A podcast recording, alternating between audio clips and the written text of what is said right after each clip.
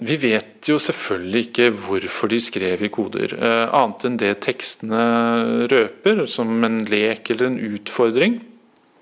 Men eh, vi kan tenke oss at eh, det å leke og konkurrere og more seg med skrift, det kan også ha vært en del av selve skriftopplæringen.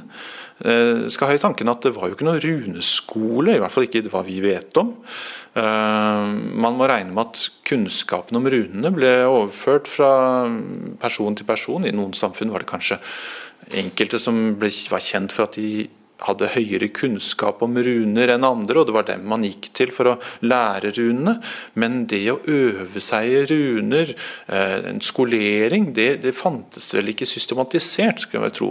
Og Da kan kanskje en slik lek, slike koder som bygger på at du må kunne runealfabetet, du må kunne runenavnene, du må kunne rekkefølgen av runene, det er øvelser i det å kunne lære å lese og skrive.